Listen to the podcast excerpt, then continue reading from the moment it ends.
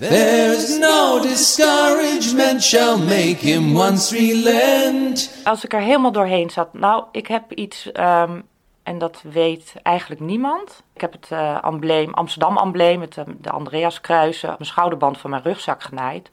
Maar daaronder eh, zat een, eh, zit er nog steeds trouwens, een fotootje van mij en mijn vader. En mijn vader is al twintig jaar dood. Maar gek genoeg eh, putte ik daar kracht uit. Ja, Dus mijn vader zat op mijn schouder. En als het dan moeilijk werd, dan... Dan dacht ik daaraan, ja, Ja, en dat hielp. dat hielp, vreemd genoeg. Maar je stopte het dus ergens waar niemand het kon zien, maar Ja. je wist dat het er zat. Ja, Interessant. Zit het er nog? ik, het zit er nog, maar ik denk dat het niet meer zichtbaar is. Ik denk dat die foto vergaan is. Ja. Door de regen, door alles is nat geworden. En wat betekent dat nou weer? Nou, dat het mooi, dat het goed is geweest. His first avowed intent to be a pilgrim. Saskia, jij hebt in 2019 de Camino gelopen. Toen kon dat nog gewoon. En je hebt het hele eind gelopen, beginnend bij je huis in Bos en Lommer. Nou, wij gaan die route natuurlijk graag met jou meelopen. Maar eerst wil ik weten, waarom wilde je eigenlijk de Camino gaan lopen? Ehm, ik wilde Camino gaan lopen omdat ik ehm, merkte dat ik eh, een beetje tegen wat dingen aanliep, vooral in mijn werk. En ik eh, wilde eigenlijk, ik had die Camino pas heel laat bedacht. Ik wilde een sabbatical. Ja, Daar begon het mee. ja, En toen dacht ik, maar dan ga ik vier maanden sabbatical nemen of drie. Wat ga ik dan in godsnaam doen? ja. Ja, ik dacht, ja, dan kun je gaan reizen. En mensen kwamen met allerlei ideeën. Maar ik wilde wel fysiek iets doen en ik wilde iets alleen doen. ja. Eh, en opeens was daar het idee van de Camino. Terwijl dat nog nooit in me op was gekomen. Je wist wel dat het bestond natuurlijk. Ik wist dat het bestond. Een vriendin van mij had een aantal jaar daarvoor de Camino Frances in Spanje gelopen, een maand. En ik weet nog dat ik toen dacht, god ja leuk, maar ja dat doet iedereen. En dat het me helemaal niet aansprak. Mhm. Wat, sprak je, wat sprak je er dan niet in aan? Ja, ik vond het te massaal of te makkelijk of te, ja, niet origineel. Ik weet eigenlijk niet wat ik, er, wat ik er niet zo bijzonder aan vond. Hoewel ik wel nog ontzettend onder de indruk was van de afstanden die zij gelopen had. Eh, en toch was dat opeens eh, begin 2019. Ik werd eigenlijk wakker en ik dacht, eh, ik ga hem doen. En dat was toen je dus dat plan had om een tijdje te stoppen Ja. met je werk. Ja, Ja, eerst was het plan om te stoppen of een Ja. sabbatical te nemen. ja, Eh, dat moest ik allemaal nog regelen op mijn werk. ja. En toen dacht ik, nou dan ga ik de Camino lopen. En, en waar loopt hij eigenlijk? Een kaart gekocht. En toen dacht ik, ik ga hem gewoon vanuit huis doen. ja. En wat deed Dan je toen voor werk? Eh, ik werkte eh, bij een groot internetgerelateerd bedrijf. Eh, hier vlakbij overigens. Op de financiële administratie. Oh, oké, want je bent ook vertaler. ik ben ook dus vertaler, maar dat heb ik altijd daarnaast gedaan. Dus daar ja. zat niet het probleem met het werk. Nee, daar zat, want daar kun je gewoon aangeven, ik ben er even niet. Ja. Maar ik had een 32-urige baan. Ja, eh, naast mijn vertaalwerk. En, Ja. ja. ja, daar moest ik natuurlijk wel even wat regelen. En ik wist ook helemaal niet of ze akkoord zouden gaan. ja, We zaten ook midden in een groot project. ja, Ehm, maar goed, het was eh, oké. ja. Maar je zei dus, er waren wat issues rond mijn werk, maar had dat met je baan te maken of met het vertalerschap? Nee, met, me, met, dat, met die baan. Ja, ja, Ja. oké. Oké, ja, sabbatical is tegenwoordig de normaalste zaak van de wereld. Nou, ik was de eerste die het Oh. daar deed. Dus en er werd ook meteen geroepen, dit, is geen, dit, dit schept geen, Geen precedent. precedent. Want Mhm. eh, niet dat iedereen nu eh, op pad wil. Nou ja, ik had het allemaal rond en toen dacht ik, mijn god, wat ga ik, wat ga ik nou doen? Ja, Waar ga ik aan beginnen? ja. En hoe ga ik me hierop eh, voorbereiden? Op de, op de Camino. Ja, op het Ja. lopen. Ja. Ja. En hoe heb je je voorbereid? ja, nauwelijks. Oh, Nee, een rugzak gekocht, wat informatie ingewonnen. Ja, Ik heb expres niet eh, gelezen, geen boeken over de Camino gelezen, geen documentaires gekeken, want toen was net die documentaire Camino uit van Ja. eh, Martin Huppeldepup. ja. En ehm, heb ik expres niet willen zien. Want? Ik dacht, ik ga mijn eigen Camino lopen. Zonder verwachtingen op pad. Zonder verwachtingen. Ja. Ja. Ja. Oké, nou dan begin je de Bos en Lommer. Ja, ik Ja. eh, probeer even die Bos en Lommer voor te stellen. Voor mijn gevoel regent het daar altijd. Is Ja. Eh, nou, die dag niet, hoewel Nee. het, het was een regenachtige dag. Moet Ja? ik, jawel, het was wel Ja. een regenachtige dag. Ja. Eh, ik stond om acht uur buiten. Ja? Ik heb de deur achter me dichtgetrokken. De vriendin die die Camino had gelopen een, aantal jaar daarvoor, die kwam eh, me uitzwaaien. En de schelp, haar schelp, Ja. Oh, op dat me, is mooi. ja, dat was heel leuk. op mijn rugzak Ja. eh, hangen. Eh, ik had ook stokken gekocht waar ik nog nooit mee had gelopen. Mhm. Dus ik ging met een veel te zware rugzak, zoals iedereen. Ja, hoe zwaar was hij? Ja, ik denk 14 kilo toen Oh, ik vertrok. ja, was voor mij te zwaar. Ja, Sommige mensen hebben daar geen moeite mee, maar Nee. eh, het was te zwaar. Ja. Ehm, ja, ben ik eh, gaan lopen, de hoofdweg af. Ja? Eh, naar, ik moest naar Buitenveld. Ik moest naar de Amstel, want ik ging Ja. naar Baanbrugge lopen. En ik ging via Buitenveldert, want daar woont mijn moeder. En daar Ja. ging ik nog even koffie Oh, drinken en, eh, en mijn sleutels achterlaten. Ehm, en ik ben toen, ja, tik-tik met die stokken de hoofdweg af. Ehm Amstelveense weg, nou je kent de route Ja. wel. Ja, Olympisch Stadion naar Buitenveldert. ja. Ehm, koffie gedronken. Oh ja, dat, dat vond ik ook nog heel grappig. Ben ik over de Zuidas. En ik voelde Ja. me ongemakkelijk. Met mijn Jouw schoenen. biotoop een beetje, hè? Ja, nou, niet Oh, hoor. niet. nee, nee, die nee. financiële dingen. Ja, nee, dat is het inderdaad. Maar dat was precies wat me Oh. daar eh, aan tegenstond, Ja, geloof ja. ik. Ehm, dus ik liep over de Zuidas. Tussen alle mantelpakjes en pakken. Met die stokken Ja. en die schelp. En ik voelde me echt zo'n debiel. ik voelde me... en ik dacht, ik moet echt heel snel de stad uit. Ja. Dan, eh, Voor het pelgrimsgevoel. ja, En wanneer begon dat, het pelgrimsgevoel? ook pas heel laat hoor. Ja? Niet die dag in ieder geval. Nee, Niet maar nog wel in dag. Nederland. In Nederland een beetje, ja. Ja, maar ook pas na een dag of zes. En wat gebeurde er toen? Ik denk eh, dat er kwam op een gegeven moment een man achter me aangerend. Want ik liep met het gidsje, Ja, met het pelgrimspadenboekje. ja, Waar ik dan de helft had uitgescheurd, zeg maar. Eh, en, er kwam, en ik had ergens op een hoek staan kijken. En er kwam een man kwam me achterna gerend en die zei... Ga je naar eh, Santiago? Ja. Ik zei ja. Hij zei, ik zag je staan kijken. En ik zei, ik wil je even heel veel succes wensen. En eh, denk erom, Jacobus zorgt voor jou. Echt gewoon midden in Nederland. Nou, dat was heel bijzonder. Toen dacht Ja? ik, jeetje. Er zijn wel mensen die het herkennen, blijkbaar, die schelp. En zo heb ik in, in Nederland nog wel een paar ontmoetingen gehad, dankzij die schelp. ja. Mensen die me tips gaven, die zelf hadden gelopen. Ik kwam vrijwilligers tegen ehm, die in Vessem, de herberg, Ja? een paar keer Mhm. per jaar eh, runden. Die zeiden ook, je moet daarheen. Mhm. Dat is echt fantastisch. Dat heb ik toen ook gedaan. Ja, Dat was ook fantastisch. ja. Eh, die mensen zeiden ook, want dat was voor Den Bosch, die zeiden, ga je een stempel halen? En dat was een zondag, dat weet ik nog. In Den Bosch. Ja, ik zei, ja, maar waar, waar dan? Ja, bij de pastorie. Oh, niet in de kathedraal. Nee, ze zeiden, je moet naar de pastorie. Ik zei, ja, maar het is zondag. Ja, maakt niet uit. Bel maar gewoon aan, Mhm. dan doet de pastoor wel open. dat heb ik dus ook gedaan. Op zondagmiddag. Ja, Zo'n ding-dong. ja. Zo'n bel die dan in de, in de gang weer galmt. En ik voelde me echt zo klein. Ik dacht, wat... Ik voelde me echt een kindje dat kinderpostzegels komt verkopen of Ja, ja. zo. Maar eh, de pastoor deed open en eh, hij zag meteen waar ik voor kwam. Ja, Dus eh, een warme hand kreeg ik en eh, mee naar het kantoortje. En een stempel. nou. Ja, dat was fantastisch. Dus dat waren zo de inwijdingsmomenten in het eh pelgrimsbestaan. Ja, ja. Inderdaad. Had jij kampeerspullen bij je? Ja, uiteraard. Daarom was die rugzak natuurlijk ook zo zwaar. Ja, had ik wel een heel licht teentje, maar ik had natuurlijk ook een brandertje en pannetjes en eh, ja, te veel kleren denk ik ook. Ja. Ik heb zo langzaam maar zeker in Nederland al, belde ik geloof ik mijn broer op dag twee. Kun je wat komen halen vanavond? Want dat heeft hij ook gedaan. Gingen de pannetjes eruit geloof ik. Hield ik één eh, pannetje over.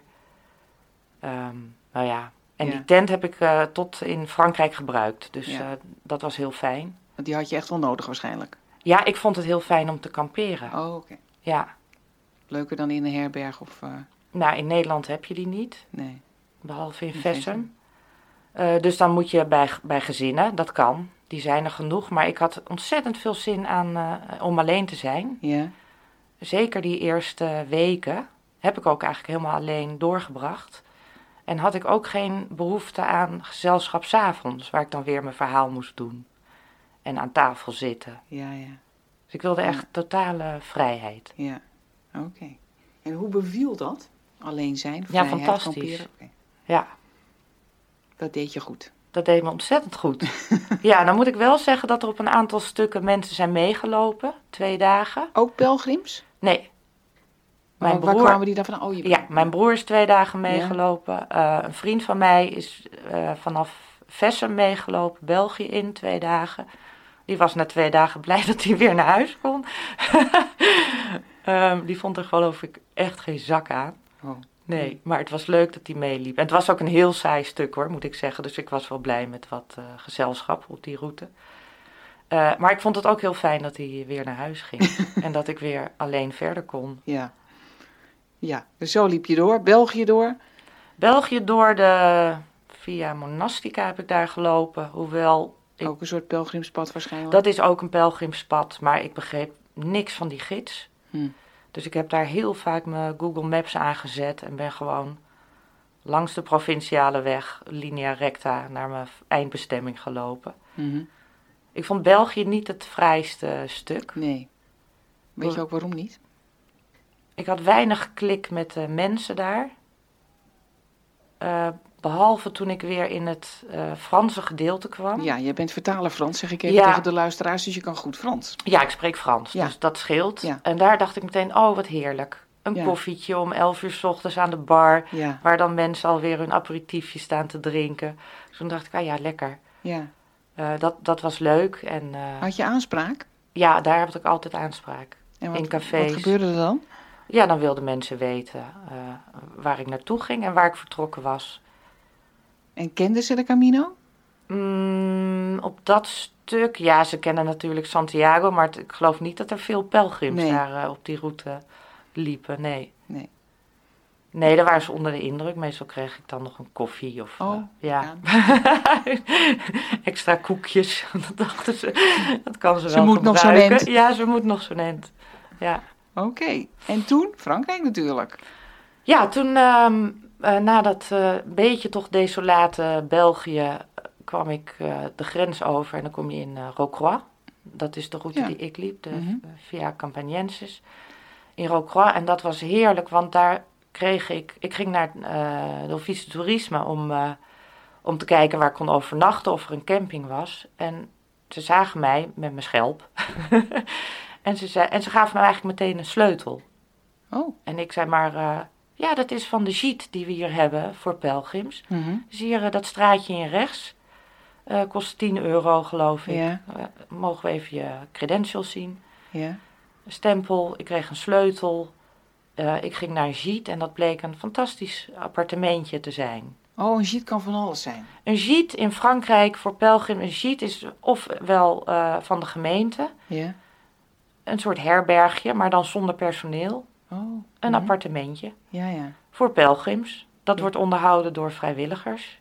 En dat is voor één persoon of, of tien? Of, Ja, er konden, in Frankrijk is het vaak voor vier, maximaal zes personen. Mhm.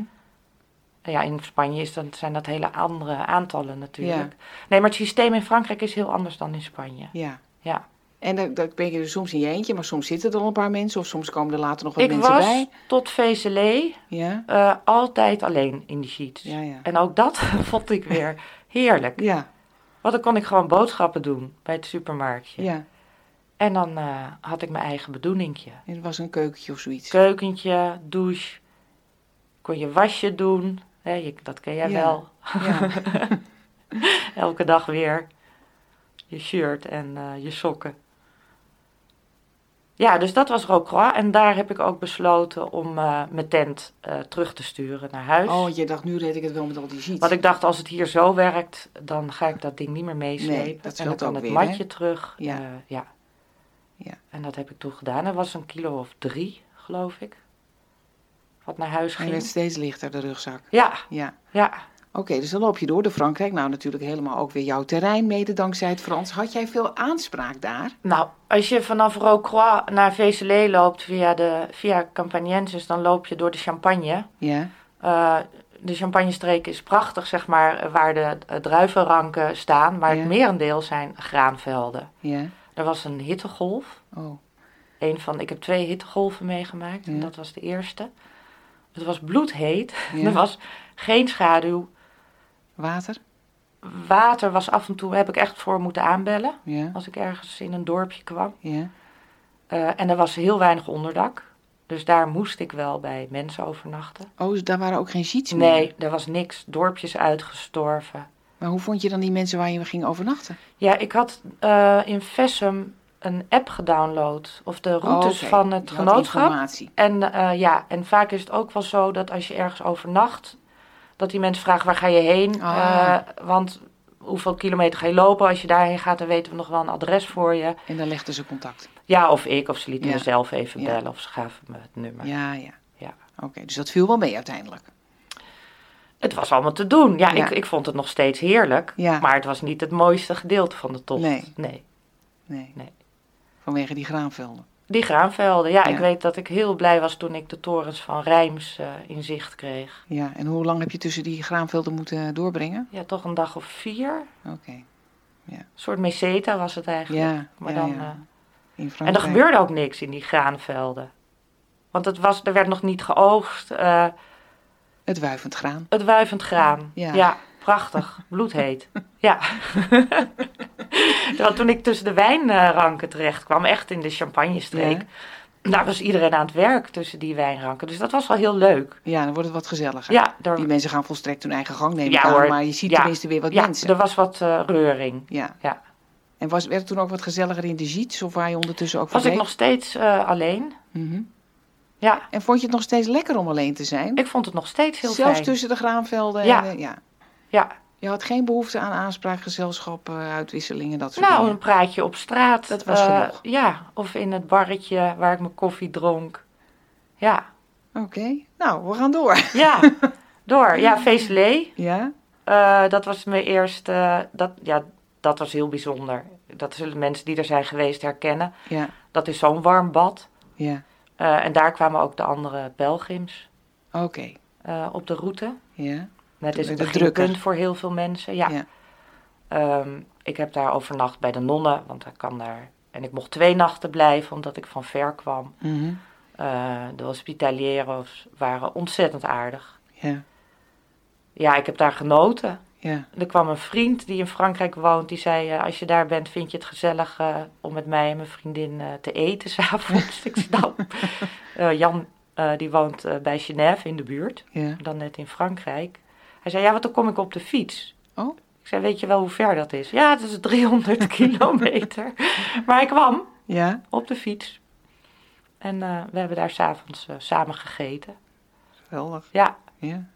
En de volgende dag kwam er naar VCL een vriendin die drie dagen zou meelopen. Ja. Uh, dus vanuit VCL begon ik met Astrid. Oh, toen heb je dus een paar dagen met die Astrid opgelopen. Drie dagen, Drie ja. dagen. En toen was je weer alleen. Ja. Ja, oké. Okay. Hmm. En hoe was het ondertussen met jou?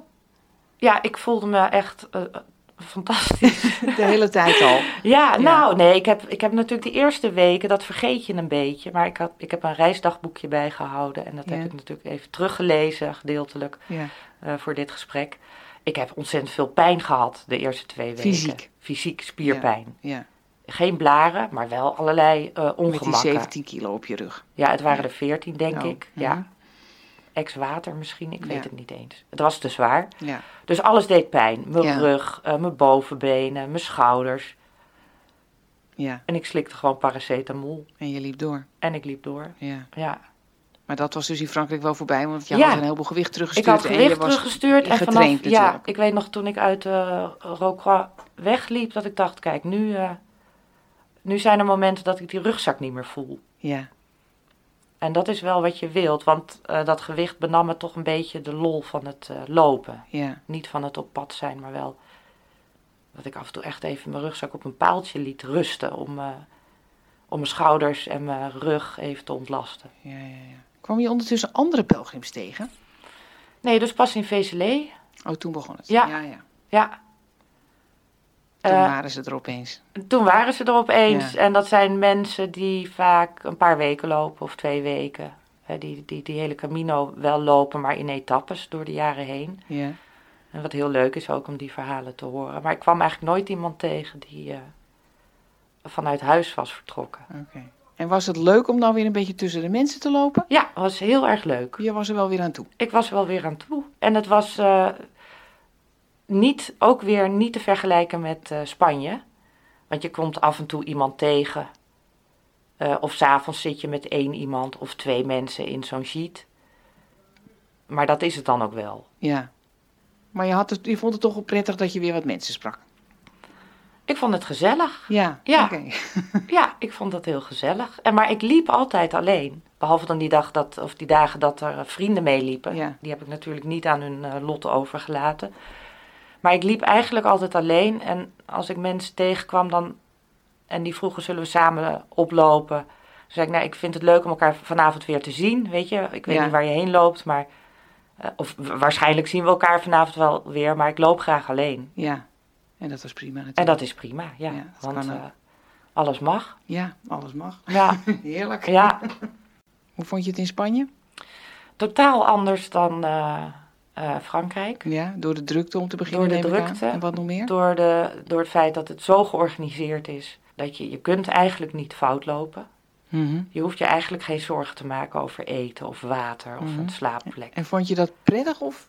Ach, in die, ik vond het. Nee, het, het paste perfect in mijn eh, trip eigenlijk. Want? Ik begon alleen. Ja. Toen kwam er langzaam wat mensen bij in Frankrijk. En Ja. in Spanje was het weer een vrij druk sociaal leven. Ja. eh, wat ik op dat moment ontzettend leuk vond. Ja.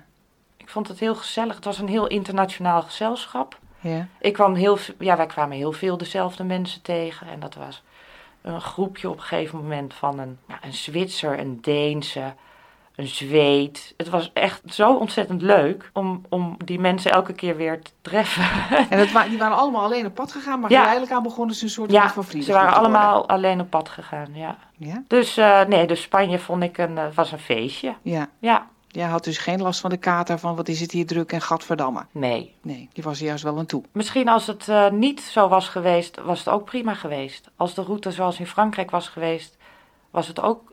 Maar ik wist dat het druk zou zijn. Ik was erop voorbereid. Ja. Nou was je dus weggegaan met het idee, ja ik heb een baan en wil ik dat eigenlijk nog wel. Was dat onderwerp helemaal weg op reis? Of Ja, niet? eigenlijk wel. Oké, daar heb je helemaal niet meer aan gedacht. Nee, Nee. want iedereen zei ook, ja, dan heb je de tijd om na te denken. Maar het mooie, wat ik het mooie vond van de Camino is dat ik werkelijk nergens over nagedacht heb. Dat was juist zo goed. ja, Ja, het was totale vrijheid. ja.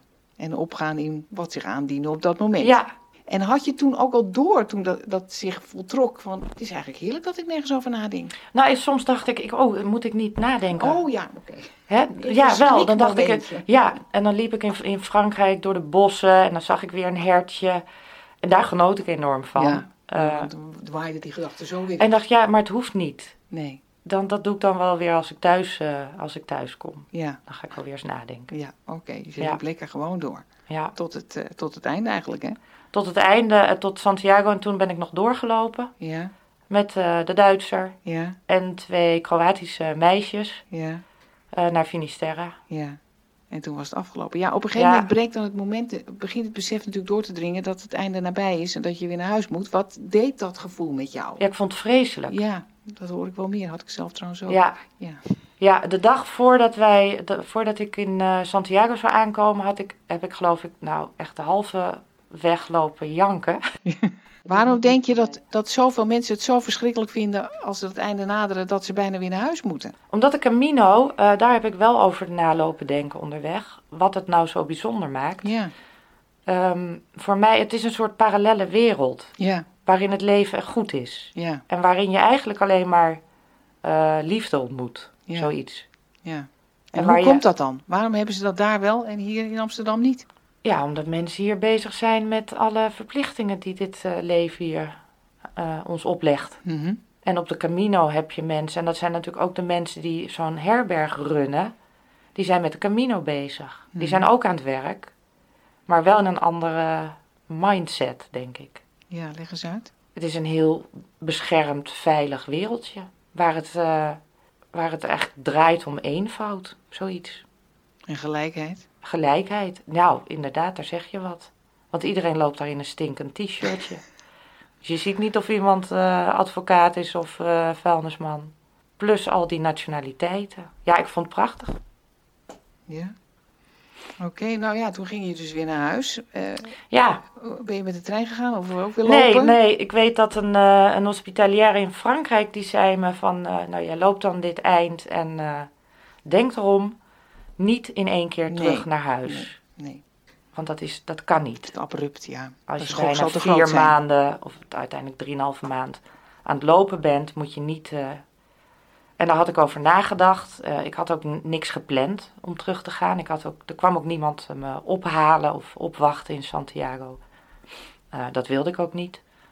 Dus ik dacht, ja, hoe ga ik dat doen? Met de trein of misschien nog een stuk lopen of misschien eh, trein en dan een stuk lopen en weer trein. Want ik had op zich nog eh, twee weken de tijd. Maar nadat ik ehm, naar Fisterra was gelopen, heb ik toch een, eh, een ticket gekocht. Voor het vliegtuig bedoel je? Ja. Oh. Oké. En? Dus ik ben naar Fisterra, toen zijn we met de bus teruggegaan naar Santiago. Ja. Ik had een ticket gekocht. Ehm, en ik ben nog één dag toen in Santiago gebleven. Toen waren ongeveer alle pelgrims die ik kende Die waren weg vertrokken. Ja, Eh, en toen dacht ik, het is ook mooi. Het is Ja. goed. ja. Oké, dus toen stond je een halve dag later weer op Schiphol. Dat is heel bizar, ja. ja. Twee uur vliegen. ja, beschrijf dat uur. gevoel eens. Ehm, ja, dan kom je thuis met eigenlijk heel veel verhalen die je niet echt kunt delen. Mhm. En ehm, de Nederlandse pelgrim Erik, eh, die had mij al gezegd, de Camino begint als je terugkomt. Ja, en was dat ook zo? Dat is zeker, zeker ja, leg- waar, ja. Leg eens uit. Eh, ja, dan begint het grote nadenken. ja. Dus al, al die gedachten waar ik me helemaal niet mee bezig wilde houden, waar ik ook niet mee bezig ben geweest, ehm, die beginnen dan toch wel door je hoofd te spelen. En hoe zag dat er zo'n beetje uit? Nou, ik dacht eh, in eerste instantie, ik heb hier zo'n energie van gekregen, ik ga weer terug naar eh, mijn baan. Ik kan dit. Oh, ik kan er weer tegen, dacht jij? Ja, Oké, ik dacht, ik kan dit. ja. En? Ik ga dit doen. Nou, dat ging even goed. Hoe lang? ik denk een maand of twee, drie. Oh, toch wel. En toen? Toen dacht ik, ik eh, moet stoppen met dit werk. Ja, en dat heb je ook gedaan. Ja. Ja. Ja. En toen? Ja, nu... eh, en toen oh, heb ik nog een belangrijke beslissing genomen. Heb ik een tiny house gekocht. Ja. Oh, oké. Dus je, je gaat verhuizen of je bent ik, al ik verhuisd? ga verhuizen. Ja. Eh, ik ga ook de stad uit. Dat vind Ja. ik heel spannend. Maar goed, de tiny house is in Haarlem. Dus dat is allemaal nog heel veilig. In de, in de stad van Haarlem nee, nee, nee. Dat is de buiten buitenkant. de- Ja. dat is buiten Haarlem. Ja. Ehm, ja. En dat heb ik eh, heel bewust gedaan. Ja. Daar was ik op zich al wel een tijd mee bezig. Mhm. Dat soort tiny house projecten. Maar ik dacht Ja. altijd dat het heel moeilijk te realiseren was. Ja. Totdat dit project op mijn pad kwam. En ik dacht, dit ga ik doen. Want ehm, hiermee ga ik heel veel woonlasten besparen. Oh, daar, ja, ja, Dat, is één van de redenen. Dus dan hoef je ook niet meer zo'n zo'n baan te hebben. Dan hoef ik niet meer zo'n baan te hebben. Mhm. Precies. En het geeft mij vrijheid om eh, nog een keer eh, op pad te gaan. Oké. En woon je daar nu al? Nee, komt uit de eind januari Oh, wordt het geplaatst. Ja, ik woon nu nog in Bos en Lommer. Ja. Ook heel fijn overigens. Maar Ja, dus dat zijn de twee grote beslissingen die je hebt genomen. Je hebt je baan opgezegd en je gaat eh, eigenlijk zorgen dat je veel lagere woonlasten hebt, zodat je veel Ja. meer vrijheid hebt Ja. om alles te Nou doen. moet ik eerlijk zeggen dat eh, ik nog wel op zoek ben naar eh, een baan. Ja, Voor één of twee dagen in de week. ja, Het is wel fijn om wat collega's te hebben. Ja. Namelijk voor de gezellig. ja, Ehm, en voor wat extra inkomsten. Maar Ja. ehm, ja. En verder heb je natuurlijk je vertaalwerk. ik heb mijn vertaalwerk, absoluut. En dat gaat gewoon door. dat kan gaat gewoon door. in maar dat, house. is, dat gaat zeker gewoon door. Maar dat is geen vetpot. Nee, dat Nee. weet ik. Dat is geen Nee. vetpot. Nee, Maar dat hoeft ook niet. nee. Oké. Nou, wat is nou volgens jou het geheim van de Camino? de eenvoud, het, het makkelijke leven, de ontmoeting met mensen die gelijkgestemd zijn, die geen vragen stellen, iedereen laat elkaar in zijn waarde. Het is heel, ja, het is, het is, en, en dan in- door een prachtig landschap, dat vergeet ik bijna te vertellen, maar het is zo mooi. Ja, En het is zo gaaf om eh, te voet heel Frankrijk en heel Spanje te doorkruisen. ja, is prachtig. Ja. Ja. Maar er waren wel plekken in Frankrijk waarvan ik dacht, eh, hier zou best nog een herberg eh, eh, mogen zitten. Anders worden de etappes voor veel mensen heel lang. Ja, Hè, soms moet je 30 of 36 kilometer lopen. En dan is er daartussen niet, niet echt iets. Daar heb ik ook nog over nagedacht. Om een, om een te ik- beginnen. Zal ik hier gewoon een pelgrimsherberg Ja. beginnen? Ja. Ja. Maar, heb je niet gedaan? Waarom niet? Ehm, ja, dat, dat is toch nog wel een eh, behoorlijke stap, toch? Is niet dat je zegt... Nou, een tiny house. ja, ik vind, precies, ik begin met mijn tiny house. Ja, Het is wel iets wat nog altijd door mijn hoofd speelt, hoor. Om zoiets te doen. Ja, Ja. maar dan wil ik eerst nog zelf een keer lopen. Dankjewel. Graag gedaan. Leuk man, is het wat, denk je? Ik denk het wel. Mooi dit. Ja, er is nog zoveel meer te vertellen, hè? Ja, dat weet ik. Oei, oei, oei. Ja, ben je nog iets vergeten? Nee hoor, nee, ja, nee. Oh, dat heb ik nog niet verteld. Eh, de eerste nacht, eh, ik was naar Baanbrugge gelopen, dus onder de rook van Amsterdam. Het was die dag al regenachtig. Eh, Het was jackie uit, jackie aan, eh, regenhoes over die zak. Eh, en ik vond een, of dat wist ik, ik ging naar een kleine camping bij een boer in Baanbrugge. Een tentje opgezet, piepklein tentje. Paste er net in, zo'n tentje. Eh, en toen zeiden de caravans, eh, caravanbewoners die daar stonden, die zeiden al van, eh, nou, het wordt wel een beetje noodweer vannacht. En ik dacht, nou, ik zat nog heerlijk in het zonnetje. Ik denk, het, zal, het zal wel loslopen. Ehm, maar voor de zekerheid leg ik mijn rugzak even in het houten hok, wat er ook is op die camping. En ik ga gewoon in mijn tent liggen. En ik was zo moe die dag dat ik om acht uur even in mijn tent ging liggen lezen, maar in slaap viel. En vervolgens om half één s'nachts wakker werd van een knetterend onweer. En het ging echt ongelooflijk tekeer. en mijn telefoon begon te piepen. En allerlei mensen die begonnen mij eh, eh, berichten te sturen van... eh, Sas, gaat het wel en moeten we je komen ophalen? En ik dacht, moeten we je komen ophalen? Hoezo? Hebben jullie wel gezien wat voor weer het is? Dat was Ja, natuurlijk de reden. Ja. Dat is juist het hele punt. En ik dacht, nou, ik ga die tent niet uit. Want het, was, het kwam met bakken uit de lucht. Ik weet toen wel dat ik eh, aan één vriendin gevraagd heb van tot hoe, laat, tot hoe lang gaat dit duren, dit onweer? Toen zei ze nou, eh, tot half zes. Mhm. En dat heeft ook eh, tot half zes geduurd. En Maar je tent- bent lekker blijven liggen. ik ben blijven liggen. Mijn tentje begon een beetje te lekken, dus ik ben een beetje aan de kant geschoven. Ik heb eigenlijk prima geslapen. Maar het was wel een eh, helse nacht. Ik heb nog nooit zo'n onweer meegemaakt. Maar je hebt door, uiteindelijk toch door het onweer gewoon heen geslapen. Ja, want ik was zo moe. Dus dat was een, eh, een, eh, vuurdoop. stormachtig. Ja, het was echt een vuurdoop. En het mooie is dat, dat het ook zo eindigde. Toen ik in Fisterra aankwam, kwam het ook met bakken uit de lucht. Ah, Ben ik de ook cirkel in was de, rond. De cirkel was prima rond. Who would true valor see? Let him come hither. One here will constant be, come wind, come weather. There's no discouragement shall make him once relent his first avowed intent to be a pilgrim. Whoso beset him round with the dismal stories Wil je meer weten over de Camino? Kijk dan eens op de website van het Nederlands Genootschap van Sint-Jacob, www.santiago.nl. Suggesties voor deze podcast kun je mailen naar mij, post.johannakroon.nl. En als je deze podcast interessant vindt voor je vrienden, zou je er dan op Facebook een berichtje aan willen wijden. Het lied dat je hoort is een Engels pelgrimslied uit 1684, getiteld Who Would True Valor See, gezongen door Alistair Thompson op zijn CD Log Rise Revisited. Tot de volgende keer. Who would true? Let him come hither. One here will constant come come weather. There's no discouragement shall make him once relent his first avowed intent to be a pilgrim.